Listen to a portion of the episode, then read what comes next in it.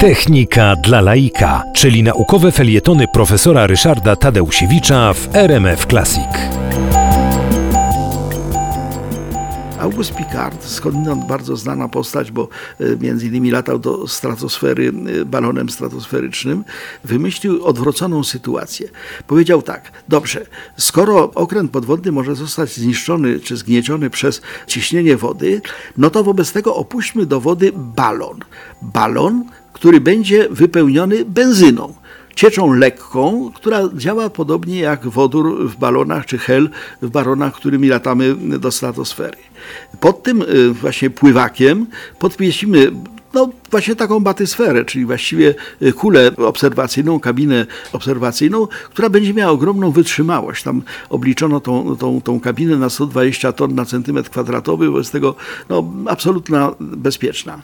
Natomiast no, był, po, pojawiło się pytanie tak, no, jak to zrobić, żeby on się zanurzył, żeby się wynurzył. No to wobec tego zanurzył się wtedy, jeżeli będzie miał balast i ten balast go obciąży, ściągnie go na dno, gdzieś tam głęboko. A co zrobić, żeby wypłynął? No trzeba ten balast zrzucić. No ale co zrobić, jak się tego balastu zrzucić nie da?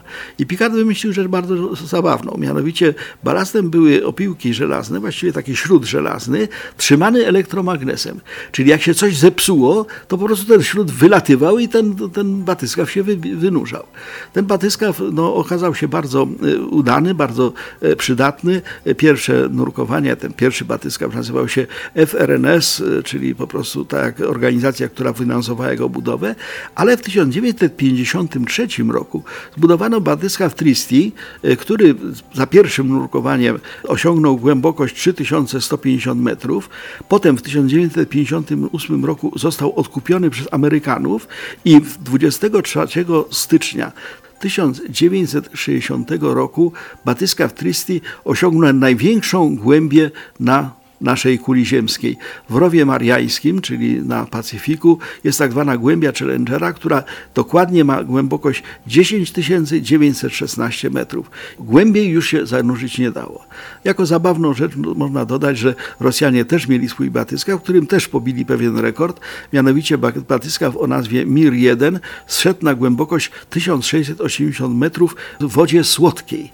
Woda oceaniczna jest jak wiadomo słona, natomiast miejscem, jedynym miejscem, miejscem, które jest tak głębokie z wodą słodką, to jest jezioro Bajkał. I dno jeziora Bajkał zostało e, właśnie no, zwiedzane czy, czy e, no, eksplorowane przez też batyskaw, ale rosyjski.